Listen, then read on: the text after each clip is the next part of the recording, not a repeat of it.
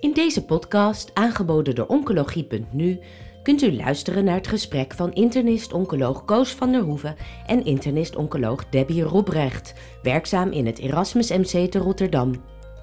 Aan bod komen de laatste ontwikkelingen met betrekking tot de behandeling van blaas- en prostaatcarcinoom, gepresenteerd tijdens de 2023 ASCO Annual Meeting. ESCO 2023, urologische tumoren en dan met name het blaascarcinoom. Daarover ga ik praten met dokter Debbie Robrecht. Zij is internist-oncoloog in het Erasmus MC. En de urologische tumoren die zijn haar aandachtsgebied, maar daarnaast eh, is ze ook betrokken bij fase 1 onderzoek in het Erasmus MC.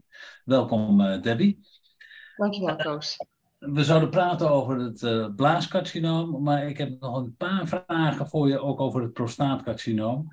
Daar was niet zo heel erg veel nieuws over, maar er was nog wel wat aandacht voor de homologe recombinatiedeficiëntie bij patiënten met een prostaatcarcinoom.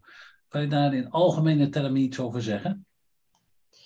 Dat klopt, Koos. Uh, er is wel weer wat voorbij gekomen um, over de data van um, de Propel-studie, de Magnitude-studie en de Talapro-2-studie. Uh, waarbij er eigenlijk met name aandacht is voor de uh, patiënten met uh, gemetastaseerd prostaatcarcinoom.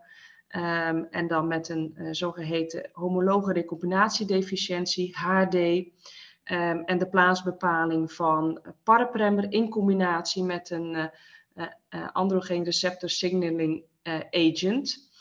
Um, waarbij als je kijkt naar de resultaten, um, er wel degelijk benefit is in die patiëntenpopulatie met een HD-profiel. En dat, dat zien we bij ongeveer 1 op de 5, 1 op de 4 patiënten. Dus dat is toch relatief, relatief frequent. En het, het, grootste effect wordt eigenlijk uh, gedreven door de patiënten met een mutatie uh, in BRCA1 of BRCA2. Ja. Ja. De, deze, men, deze patiënten hebben eigenlijk vrijwel allemaal uh, HRD. Zijn er ook patiënten zonder een BRCA-mutatie bij prostaatkanker die ook HRD hebben? Zeker. HRD, uh, daarbij spreken we eigenlijk over meerdere genen die afwijkend kunnen zijn. De belangrijkste zijn BRCA1, BRCA2, uh, maar er zijn er nog een aantal andere, um, bijvoorbeeld uh, CDK12, ATM, PALB2. Um, waarbij dan de vraag is, oké, hebben deze patiënten ook benefit, hè, voordeel van zo'n parapremmer of een parapremmer in combinatie met um, uh, een androgen receptor signaling, agent. Um, en met name op basis van de Propel-studie is er ook een discussie ontstaan of we nou misschien ook wel in de patiënten zonder HRD uh, verschil zien in effect uh, van uh, of eigenlijk een voordeel van, van effect van de combinatie van een ASSI met een parapremmer. Um, daar ben ik zelf niet zo van overtuigd. Ik denk dat het grootste benefit echt te zien is in de patiënten met HD. Daar komen we volgende keer op terug. Ik ga nu met je praten over het blaascarcinoom. En dan gaan we het eerst hebben over immunotherapie. Want immunotherapie, daarvan weten we dat het werkzaam is bij het gemetastaseerde urotheelcelcarcinoom. Maar de plaatsbepaling is soms nog niet altijd geheel duidelijk. We hebben al eerder een, uh, een finale analyse gehad van de Infigo 130-studie. Dat gaat over atezolizumab plus cisplatin gemcitabine versus cisplatin en gemcitabine alleen. Maar er was nu toch weer een, een nadere duiding van die studie op basis van retrospectieve analyses. Wat waren die analyses? Wat was de reden om daar nog een keer opnieuw naar te kijken? Nou, de reden om deze zogeheten ja, exploratieve analyse te doen, hè, en dus moeten we eventjes wel erbij stilstaan, exploratief, maar ook retrospectief dus, was om data beter te kunnen duiden in indirect vergelijk met de Javelin 100 bladder studie. Ja. En die Javelin-studie die heeft gekeken naar de meerwaarde van onderhoudsbehandeling immuuntherapie, in die studie avelumab, ja. Um, in patiënten die tenminste stabiele ziekte hadden na eerste lijns chemotherapie. Eerste lijns chemotherapie bestaande uit carbogem of uh, cisplatin uh, gemcitabine. En uh, deze retrospectieve analyse van de Inviron 130, die heeft dan gekeken of er een verschil is in de uitkomsten van de patiënten. Um, die oftewel progressie hadden in de eerste 18 weken van hun behandeling, dan wel uh, geen progressie in de eerste 18 weken van hun behandeling. En waarom hebben ze nou die eerste 18 weken gekozen? Dat is eigenlijk dus om dat vergelijk met die Javelin te kunnen doen. Dat zijn dus de eerste 18 weken waarbij patiënten oftewel een combinatie kregen van hun chemotherapie met placebo of hun chemotherapie met atezolizumab. Ja. Wat, nou. wat, wat leverde die analyse op? Nou, wat leverde dit op? Nou, in ieder geval als je kijkt naar de basiskarakteristieken van die twee groepen. De patiënten met progressie in de eerste 18 weken, die hadden logischerwijs eh, wellicht uh, slechtere prognostische kenmerken. Ja. En als je dan naar de uitkomsten kijkt, dan zie je dat de patiënten zonder progressie in die eerste 18 weken, dat die een mediane overall survival hadden van 20 maanden. Met vooral betere uitkomsten in de patiënten die uh, cisplatin, gemcitabine, atezolizumab kregen. En ik moet daarbij wel zeggen dat het eigenlijk ook weer opvallend genoeg is dat in deze Invigor 130 studie de mediane overall survival weer precies hetzelfde is in de groep die alleen carboplatin gemcitabine kreeg en de groep die alleen cisplatin gemcitabine kreeg. En dat is opvallend, omdat we eigenlijk op basis van de landmark-studies van een aantal jaren geleden steeds hebben gezegd, patiënten die carboplatin bevattende chemotherapie krijgen, die doen het slechter. We zien slechtere uitkomsten. Maar we zien dit dus niet terug in die Invigor 130. En dat kan natuurlijk toch te maken hebben met dat we patiënten ja, anders selecteren voor de chemotherapie. Ja. Um, dus met alleen chemotherapie zie je dat het, of, nou, of het nou carbo of cis is, dat de mediane overall survival bijna 20 maanden was in de patiënten zonder progressie in die eerste 18 weken. En er is dus geen toegevoegde waarde van atezolizumab hierbovenop in die totale groep. Ja. Ja. Als je kijkt, ja, en als je kijkt naar wat is nou de beste groep in die studie, maar goed, nogmaals, het is exploratief retrospectief. De beste groep was de groep uh, die PDL-positieve ziekte had en die behandeling kreeg met chemotherapie in combinatie met atezolizumab. En die hadden in, in deze analyse een mediane overall survival van maar liefst 56 maanden. Dus dat is uh, opmerkelijk lang. Dat is heel lang. Dat is heel lang. Maar als we een, een klein beetje terug proberen te gaan naar de Nederlandse situatie, hoe zouden we dat dan moeten duiden? Nou, er is geen plaats voor de combinatie van chemotherapie plus immuuntherapie in de eerste lijn van gemetastaseerd urotheelcelcarcinoompatiënten. Dat weten we op basis van de Invigo-studie. Dat weten we ook op basis van de Keynote 361-studie. Um, ehm, die, die plaats die is er niet. Um, er is wel plaats voor chemotherapie gevolgd door onderhoudsbehandeling met immuuntherapie. Uh, waarbij het dan uh, toegespitst is tot de patiënten met tenminste stabiele ziekte na minimaal vier kuren chemotherapie. Um, en um, ja, je ziet dat de patiënten die het, die het uh, goed doen op, op chemotherapie, of in die zin in ieder geval geen progressie hebben, ja, die hebben dus die benefit van uh, daarna doorgaan met, uh, met immuuntherapie. Um, en, en dat is wat we nu ook weer leren van die Invigor-studie. Maar verder geen toegevoegde waarde dus van de combinatie vanaf het begin in de eerste lijn. En als de progressie is na de eerste lijns behandeling en patiënten hebben geen immuuntherapie gehad, dan komen ze alsnog in aanmerking voor een vorm van immuuntherapie. Dat klopt. dus we hebben op basis van uh, de um, Keynote 45 studie uh, hebben we uh, de pembrolizumab tot onze beschikking. En verder zijn er ook nog andere immuuntherapieën in de wereld beschikbaar die ook een FDA-approval hebben. Ja. In de tweede lijn. En in Nederland voor de onderhoudsbehandeling, welk middel is daarvoor beschikbaar? Dat is Avelumab. Akkoord. Goed, dan wil ik met je gaan naar een heel oud schema. Daar hebben we al eens eerder over gesproken, het zogenaamde MVAC-schema. Uh, dat is een ingewikkeld schema, of althans dat vonden dokters altijd een ingewikkeld schema, omdat tegenwoordig veel vaker carboplatin, gemcitabine of cisplatin, gemcitabine gebruikt wordt. Maar er is de afgelopen jaren toch een klein beetje eerherstel gekomen. Um, wat kan je daarover zeggen? Misschien dat je eerst nog even uit moet leggen wat MVAC is. Dus ehm, het gaat om doostens M-vak, wat dan dus een, een, combinatieschema is van verschillende chemotherapeutica. Ehm, wat eigenlijk dus, wat je al zegt, een soort van in ere hersteld is. Ehm, het is wel een pittig schema, omdat het toch best wel wat toxiteit met zich kan meebrengen. Ehm, eh, en verder, ja, eigenlijk de, de wel bekende uh, mogelijke bijwerkingen. Um, neuropathie, febrile neuropathie. Uh, sorry, um, neutropenie moet ik zeggen. Febrile ja. neutropenie. perifere neuropathie. vermoeidheid, misselijkheid, alopecia.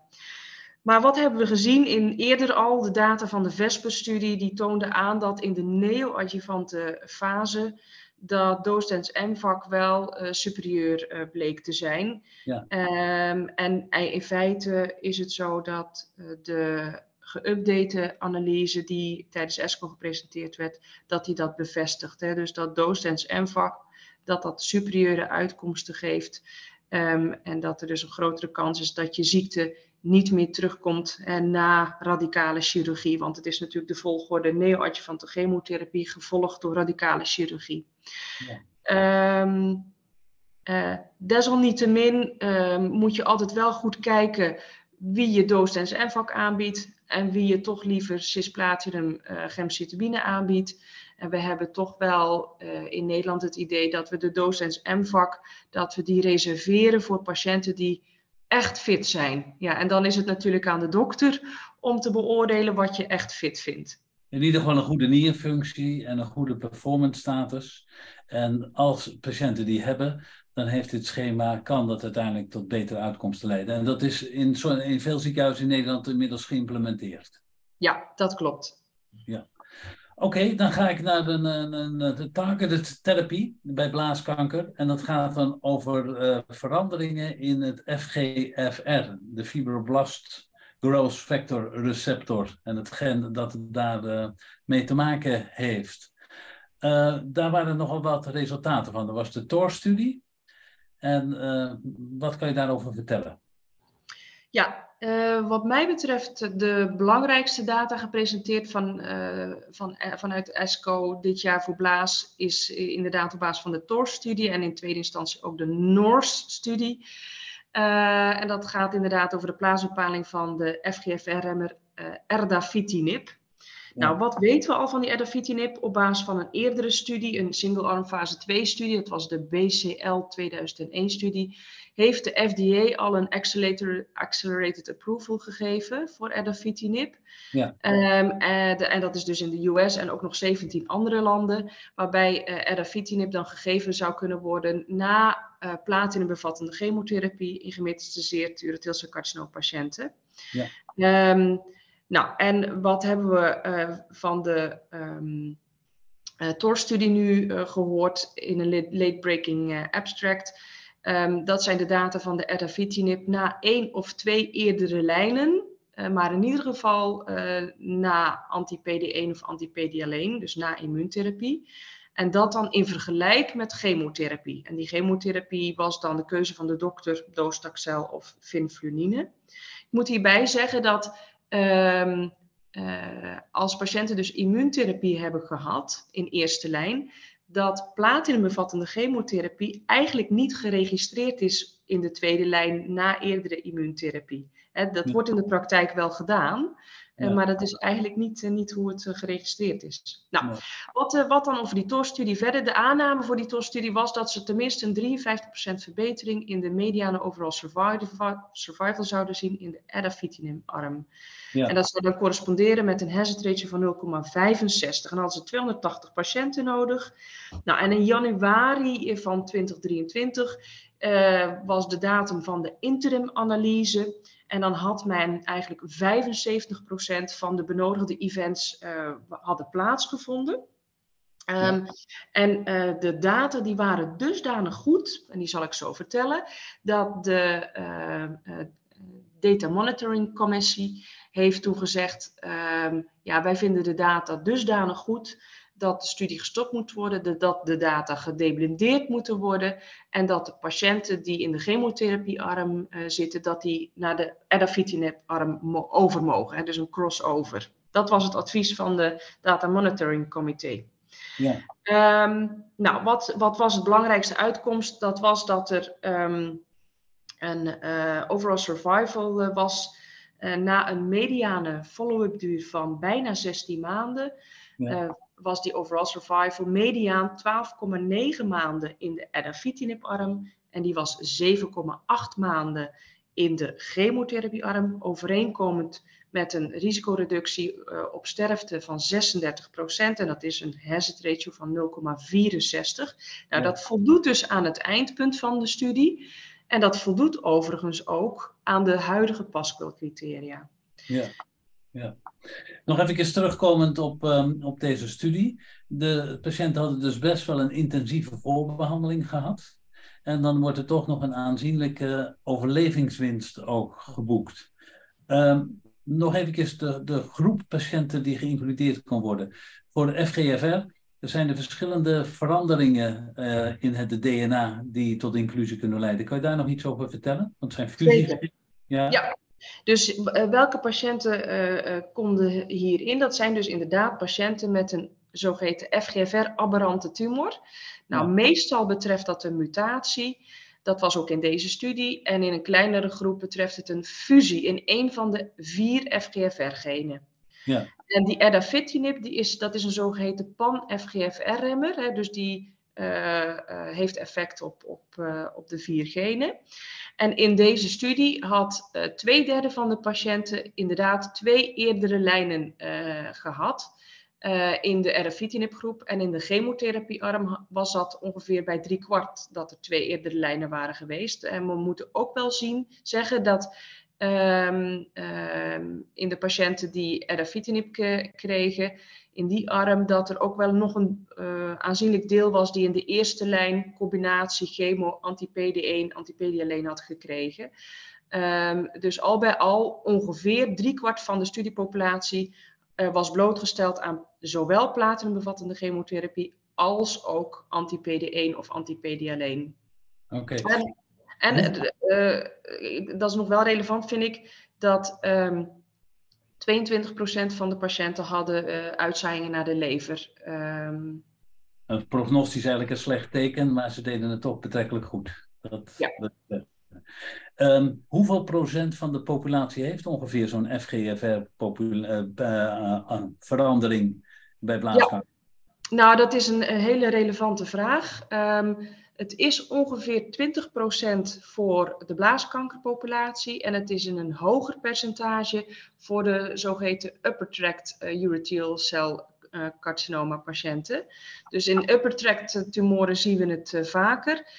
Uh, maar om de patiënten te vinden, moeten we dus ook veel patiënten testen. Nou, en veel patiënten testen. Eén, daar moet je dus als dokter aan denken om te testen. Twee, daar hangt toch een prijskaartje aan.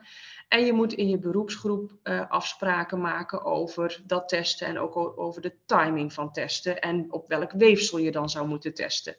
Ja, daar heb je vast een idee over. Um, ja, uh, ik moet eerlijk zeggen dat uh, naar aanleiding al van eerdere data die gepresenteerd worden, uh, werden ik zelf laagdrempelig ben gaan testen. En ik doe dat in feite op archiefmateriaal. Dat is ook wel tijdens de ESCO zo gezegd, wees pragmatisch, doe het op het materiaal wat je tot je beschikking hebt. We hebben soms voor patiënten geen weefsel tot onze beschikking of heel oud materiaal. Uh, dan lijkt het toch ook goed mogelijk om in ctDNA, circulerend tumor-DNA, te kijken naar FGFR-aberranties. Dat werd ook uh, toegelaten in, uh, in die TOR-studie, om patiënten te identificeren. Um, en ik denk eigenlijk ja, zo vroeg mogelijk testen. Hè? Dus ergens tijdens de eerste lijn, als je, als je aanwijzingen hebt dat je richting progressie gaat, of misschien wel onafhankelijk daarvan, Um, maar dat dat het momentum is om, uh, om te testen. Oké, okay. en je zou eventueel ook nog een vers biop kunnen nemen en dan heel breed testen met whole genome sequencing als je daar Klopt. de mogelijkheden voor hebt. Klopt, ja. Nog even terug naar dat uh, dafitinib. Dat is een oraal middel. Ja. wat is het toxiciteitsprofiel? Nou, uh, wat wordt er gezien uh, met uh, FGFR-remmers? dat is verhoogd fosfaat. Daar kunnen mensen ook best wel heel naar van zijn. Het is niet zomaar een labwaarde, maar mensen kunnen er echt last van hebben. Verder diarree wordt gezien, stomatitis. Um, en verder nog belangrijk, um, minder vaak voorkomend en meestal graad 1, 2, maar wel kans op, op ernstigere toxiciteit, zijn de oogklachten en ook de huid- en nagelklachten. En als je nou ook keek wat de redenen zijn om te moeten stoppen met erdafitinib, dan waren dat ook meestal oog- of huidklachten. En oogklachten moet je dan denken aan retinopathie um, van die erdafitinib. En dat kennen we ook wel van dit soort remmers. Ja, je vertelde dat de EMA het geregistreerd heeft al. Is het in Nederland beschikbaar? Dus kunnen patiënten er voor een aanmerking komen? We zullen nu uh, moeten afwachten op uh, um, de goedkeuring uh, of de beoordeling van commissie BOM. Um, en pas daarna zullen we kijken of het vergoede zorg kan worden. En als jij het wel eens geeft, dan geef je het in het kader van speciale programma's? Dat klopt inderdaad. Hè. Dus als we het nu geven, dan is het in feite in het kader van een studie bij voorkeur. En in Nederland is er ook wel beschikking geweest tot um, name patient programs. Je noemde nog eventjes de, de NORS-studie. Wat voegt die hier nog aan toe? Ja, die NORS-studie die bouwt eigenlijk voort op um, dat uh, eh, FGFR-remmers misschien tumoren wel eens um, gevoeliger kunnen maken voor immuuntherapie. En dan kan je ook wel zeggen dat het eh, van een koude tumor misschien wel een hete tumor gemaakt uh, zou kunnen worden. En die NORS-studie, dat was een gerandomiseerde fase 2-studie, die keek naar overall response rate en veiligheid van de combinatie van erdafitinib met een uh, anti-PD1-remmer, cetrellimab. En dat werd dan vergeleken met erdafitinib monotherapie. Um, nou, in deze studie zag je dat er een relatief grote groep patiënten was met een uh, WHO performance score van 2. Dat de meeste patiënten um, PD-alleen low status hadden. Dat is overigens te verwachten bij FGFR-aberrante tumoren. Dat zijn eigenlijk de cold, hè, koude tumoren. Um, en dat het meestal patiënten waren met mutaties en in mindere mate fusies in een van de FGFR-genen. Nou, en als je dan kijkt naar de uitkomsten, dan zie je met monotherapie dat die overall response rate 44% was. En met combinatie was dat 55%. En dat was onafhankelijk van de PD-L1-status en ook onafhankelijk van de fusies of de mutaties. En die responses die gezien werden, die waren ook duurzaam. Ja. Um, um, nou, en als je dan kijkt naar uh, de progressievrije overleving, dan was die in de um, monotherapiegroep was die 5,6 maanden en die was voor de combinatiegroep was dat 11 maanden. Um, nou, als je dat een klein beetje indirect mag vergelijken met pembrolizumab in de eerste lijn in uh, cisplatin-unfit patiënten. Dat was overigens bij deze NOR-studie ook. Dat gaat om cisplatin-unfit patiënten. En je kijkt dan naar de Kino 52 data van pembrolizumab monotherapie dan was de mediane progressievrije overleving 2,2 maanden in de totale populatie, maar dat zegt niet heel veel. De overall response rate was met Pembro uh, bijna 29% in de totale populatie, maar in de PD-alleen positieve populatie was dat 47%.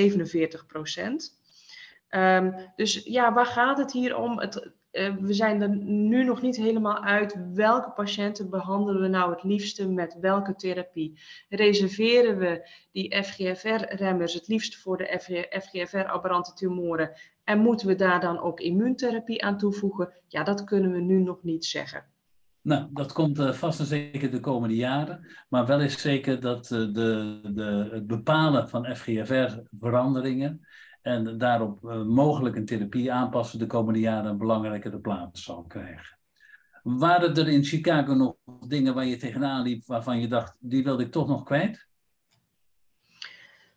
Uh, we hebben de um, uh, leukste data besproken wat mij betreft. Um, er was nog wel een leuke studie um, en dat was een poster uh, dan moet ik alleen heel eventjes nadenken. Dat was de Proof 302-studie.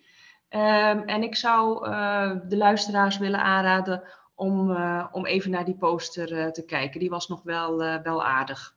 Oké. Okay, dat is dus... Ja. Oké, okay, nou, dankjewel. De luisteraars gaan misschien nog naar de proefstudie luisteren. Voor dit moment heel erg dank voor je informatie. Graag gedaan. Bent u geïnteresseerd in meer podcasts? Deze zijn te vinden op de website www.oncologie.nu. Heeft u zelf een onderwerp of onderzoek dat besproken kan worden in een podcast? Mail het naar info.uitgeverij-jaap.nl